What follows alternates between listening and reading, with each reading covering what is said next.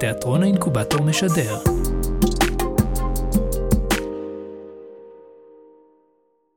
מכירים את זה שיש לכם חבר שכותב שיר של ארבעה אקורדים וזה הופך להיות הלהיט של החבר'ה? אחי, זה אדיר, שלח את זה לרדיו, אתה דפוק? ומכירים את זה שרוצחים ראש ממשלה וגודים את התקווה לשלום במזרח התיכון?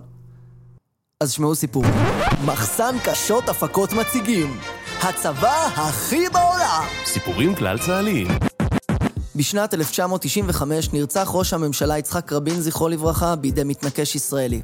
סיפורים על אומץ ליבו של רבין נותרו איתנו עד היום, והסיפור שלנו מתרחש עשור אחרי הרצח, במקום שבו אומץ לב היה פעור וקיבל שבת. ברוכים הבאים לגדוד הרם של חיל התותחנים!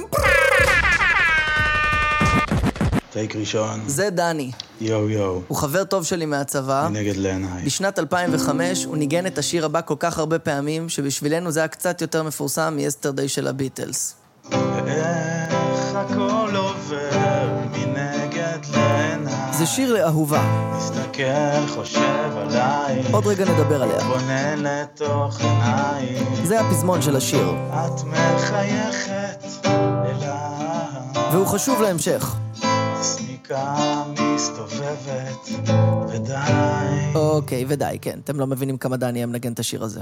השיר הזה היה כתוצאה מפרידה מבחורה שיצאתי איתה, והייתי מאוד אה, מלודרמטי ורומנטי, ואני כתבתי על הפרידה שיר מאוד אה, נוגע. כמה זמן יצאתם? חודשיים, ואני הייתי כאילו חייל בקרבי בצבא, היא הייתה בשבילי כמו איזה פלא טבע. לחזור הביתה אליה, זה היה טוב. אז קצת סדר. בשנת 95 רבין נרצח. עשור אחרי, דני, חייל בחיל התותחנים, מאוהב בבחורה וכותב לה שיר שהוא מנגן כל היום וכולם מכירים. על פניו אין קשר בין הדברים, אבל חכו שנייה. אף פעם, אף פעם לא שרתי בטקס לפני זה בחיים שלי. זה יוני ארז. בשנת 2005 שנינו היינו מפקדים יחד בגדוד התותחנים, ואהבנו מאוד לנגן גם בגיטרה יחד. אז מה היה? ביקשו מאיתנו אה, להופיע בטקס רבין ולשיר. היינו שרים ומנגנים הרבה. והיה דני. דני הוא בחור מצחיק, הוא היה מסוללה, מהסוללה המתחרה. אה, אבל היה לו את השיר הזה שהוא כתב למדריכת קורס חופשים שהוא היה מאוהב בה. אה, ואז היה את הרעיון המדהים של איכשהו לקחת את המנגינה של השיר הזה, לחבר לו מילים אחרות, ולשיר את זה בטקס רבין בתור שיר אמיתי לטקס רבין. וכך, החל רגע הגבורה היחיד בשירות שלי, כשרק אדם אחד עומד ביני לבין החלום. אני זוכר שהסמג"ד הזה תמיד היה נראה לי יחסית כאילו נחמד וחכם יחסית לרוב הקצינים, שהיו נראה לי מפגרים וטיפשים. סמג"ד, סגן מפקד גדוד, קצין בדרגת רב סרן, גדול ממך בחמש שנים שמרגישות בצבא כמו חמישים. לחייל בסדיר, הסמג"ד נראה כמו שתלמיד בכיתה ו' נראה לתלמיד בכיתה א'. אדם שראה הכל. כאילו איפשהו כיבדתי אותו כזה, היה נראה שהוא מדבר לעניין שהוא כזה no bullshit ושהוא בן אדם אמיתי כזה. זה נכון שהסמג"ד היה נראה כמו בן אדם עם ראש על הכתפיים, אבל הוא עדיין אחראי לטקס, ולמקרה שזה לא ברור, דני לא יודע שאנחנו עומדים לשיר את השיר שלו, והוא ככל הנראה יתחיל לבכות מצחוק כשהוא ישמע את זה. הסמג"ד יקלוט שמישהו עושה שכונה, ובסוף עוד בטעות ישפטו את דני ל-35 ימי מחבוש. אבל עוד לפני הטקס, איך מכניסים לתוכנית האומנותית שיר שכתבת בעצמך? דבר ראשון, ממציאים מילים חדשות לבתים ולפזמון של השיר של דני. אה, תכתוב עוד חלום נשבר לרסיסים. אוקיי. והוא הולך, איך לוקחים לנו... חיים? כן, מעולה. דבר שני, משקרים למש"ק כיתה שאחראית על הטקס, שזה שיר של ירדנה ארזי שהיא לא מכירה. זה שיר של ירדנה ארזי שאת לא מכירה. וואלה, מוזר, אף פעם. משקיעים מלא שעות בלנגן את השיר שוב ושוב ולעשות לו עיבוד יפה בשני קולות.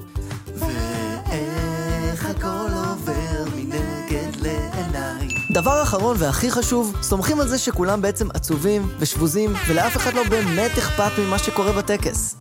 שלושה בנובמבר 2005, לילה לפני הטקס. יוני ואני סיימנו חזרה האחרונה על השיר במגורי מפקדים, והתיישבנו לסיגריה לפני השינה אחרי שצחצחנו שיניים. אני זוכר שעדיין חשבנו לרדת מכל העניין ופשוט לנגן את לבכות לך. אנשים כנראה הולכים להתפוצץ מצחוק מהשיר הזה, הסמג"ד יתחקר את כל האירוע כדי להבין למה כולם צחקו, ואנחנו אולי נקבל ריתוק או נשב בכלא בגלל בדיחה חצי משעשעת, חצי בטעם רע. אז רגע לפני שנגיע ל-4 בנובמבר 2005, ולרגע השיא של הטקס, דיברתי קצת עם יוני ודני על רוח התקופה. עד כמה להיות אפל עכשיו? ניסיתי להבין מה הביא אותנו לעשות את זה, למרות הסיכון. בגדול נראה לי שאתה יודע, אז, כאילו אם אני מנתח את איך הייתי בכלל בצבא, זה היה כבר כזה דיכאון ואפתיות בהרבה מובנים, שכאילו לא היה אכפת לי מריתוקים או מכלא, בכל מקרה הרגשתי שאני בכלא כבר. גם במיוחד שם אצלנו בגדוד, היה שם אווירה קולקטיבית של דיכאון וסבל. אין את זה בהרבה מקומות בצבא בצורה כזאת קיצונית. משהו אצלנו היה שם שילוב של מלא גורמים שבאמת אנשים היו נורא עצובים, והרבה. נכון. הרבה, ואני זוכר את עצמי, אחי, לא גם כזה מין דיכאון תבוסתני כזה, אתה כל כך סובל, תעשה משהו. לא, נשאר וסובל את זה בשקט, כאילו. ואז פשוט תקעתם את הצחוק הזה, וזה באמת, זה הקלישאה שאומרים את זה, אבל שתמיד בכל דבר נלחמים עם הומור ועם צחוק. כאילו, היה לנו הזדמנות פה ליצירתיות, הרבה יותר כיף מאשר לנגן איזה שיר של ירדנה ארזי. היה נורא כיף. אשכרה הלחנו שיר, במיוחד שכזה טקס שמונחת מלמעלה, עכשיו אתם צריכים לעשות טקס, וכולם יעמדו בחום, לאף אחד לא אכפת, רק רוצים שזה ייגמר, רוצים שזה ייגמר, רוצים שזה ייגמר, רוצים שזה ייגמר. 4 בנובמבר 2005. יום הטקס.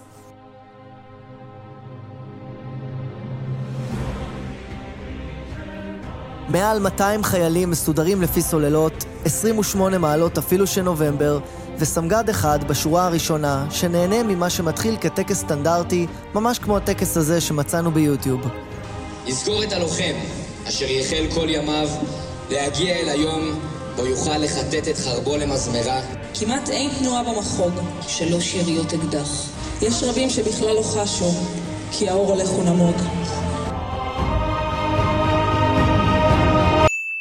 ואז, אחרי עשר דקות של טקס שטוף שמש, וכעת, השיר עוד חלום של ירדנה ארזי.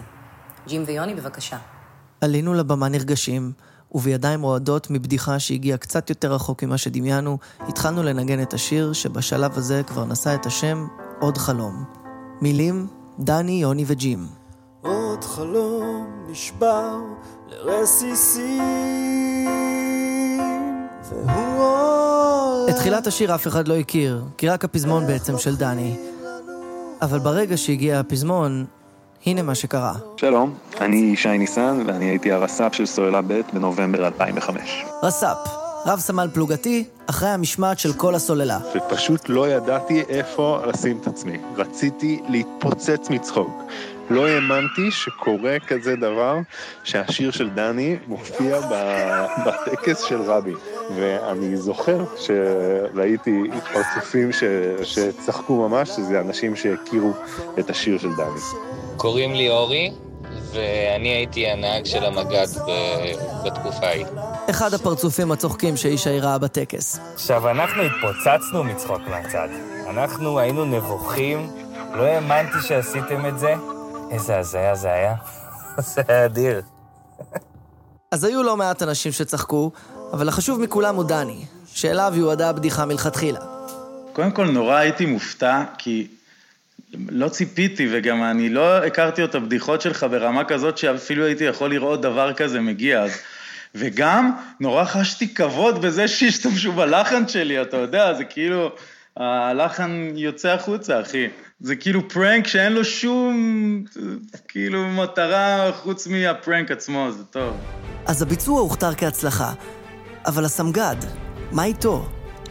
יש סיכוי שהוא קלט שצחקו, יש סיכוי שהוא לא שם לב, ויש סיכוי שכמו לכולנו לא היה אכפת לו. אני עדיין סקרן לדעת מה הוא היה עושה אם הוא היה תופס אותנו, ואם רק היה לי האומץ לבוא ולספר לו את מה שקרה שם 14 שנה אחרי, הייתי ב... את הטקס אני זוכר uh, במעומעם, את האירוע הספציפי, אני לא זוכר לגמרי. לפגישה המחודשת שלי עם הסמג"ד הגעתי במונית ספיישל כי ממש פחדתי לאחר. ישבתי בחוץ בערך 20 דקות עד שהגיעה השעה שבה קבענו להיפגש, וכשנכנסתי לדירה שלו לקח לי 10 דקות להפסיק לגמגם. אה, כן, אני אשמח למים. ועוד 10 דקות ליצור איתו קשר עין. אהלן, אני לירן יגר, עדיין בצבא, ולפני 14 שנה הייתי סמג"ד גדוד ארם. נפגשנו כשכבר היה לי כמעט את כל הסיפור מוקלט, כלומר, בערך את כל מה ששמעתם עד עכשיו. אחרי האזנה משותפת, נתתי לסקרנות לגבור עליי ושאלתי אותו את מה שהדיר שינה מעיניי כל כך הרבה שנים. מה היה קורה לנו אם היינו נתפסים? אני מניח שהייתי מכניס אתכם למשרד שלי, אומר לכם שאני מאוד מאוכזב מכם ושוטף אתכם. כמה צפוי. לא הייתי כנראה צועק בגלל קדושת היום. צפוי, צפוי, צפוי, צפוי, צפוי, צפוי. אבל בסתר ליבי הייתי חושב איזה מגניבים, איזה חתרנים, הלוואי וכולם היו כאלה. נחמד דווקא. תודה שהאזנתם לצבא הכי בעולם. בעוד רגע נשמע את השיר עוד חלום שהקלטנו יוני ואני לכבוד התיעוד של הסיפור הזה, אבל לפני זה תודה גדולה לכל המרואיינים שחלקו איתי את הזיכרון הזה. ליוני ארז, דני ברון, ישי ניסן, אורי ברנר וכמובן לירן יגר, לאוריה אצבעות שערך את הסיפור, לרועי דורון שהפיק את השיר עוד חלום, לשני שהתחתנה איתי, לדורון גוברמן בתפקיד מש"קית הת"ש, איציק פצצתי, עמרי הכהן, לגדוד הרם, לסכסוך הישראלי-פלסטיני שאנחנו כל כך שונאים, אבל בלעדיו לא היה צבא וכל הסיפור הזה לא היה קורה. תודה והלוואי שיהיה שלום ושלא פה יותר אנשים בכלל וראש ממשלה בפרט. אמן.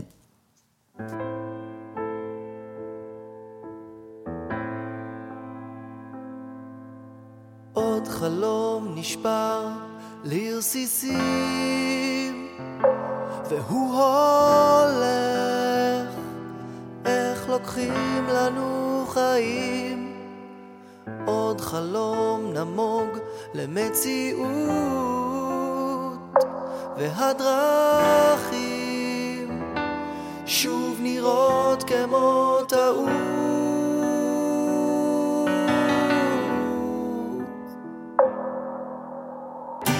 ואיך הכל עובר מנגד לעיניי הזמנים קשים עליי ואני חושב אולי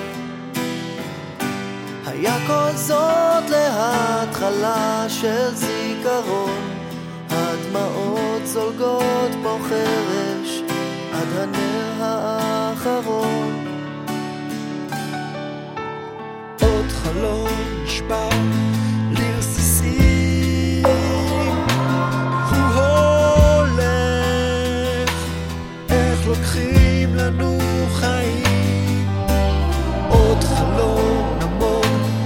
It's